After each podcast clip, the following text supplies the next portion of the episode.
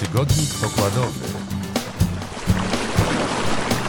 Żeglarskie podsumowanie tygodnia w mojakoja.pl Polka druga w Pucharze Świata w wingfoilu to Karolina Kluszczyńska, utytułowana zawodniczka klasy RSX i debiutantka w międzynarodowych zawodach wingfoil. W Abu Dhabi rywalizowała z czołówką zawodniczek tej klasy. W trakcie wyścigu szła łeb w łeb ze zwyciężczynią Czeszką Paulą Nowotną.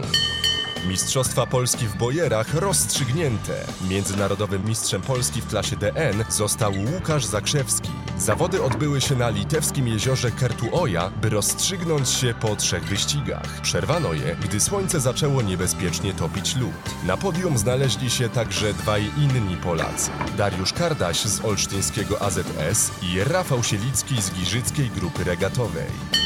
Komandor Michał Mąkowski odszedł na wieczną wachtę.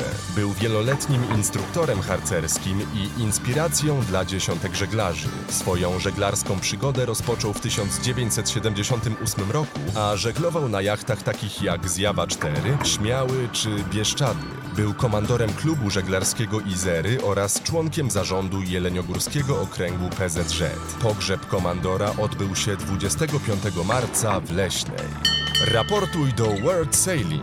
Światowa Federacja Żeglarska zachęca do zgłaszania wszelkich wypadków i awarii na wodzie. Chodzi o zwiększenie bezpieczeństwa żeglarskiego sportu. Niebezpieczne przypadki można zgłaszać przez formularz znajdujący się na stronie federacji. Wszystkie zgłoszenia zostaną skatalogowane i poddane fachowej analizie.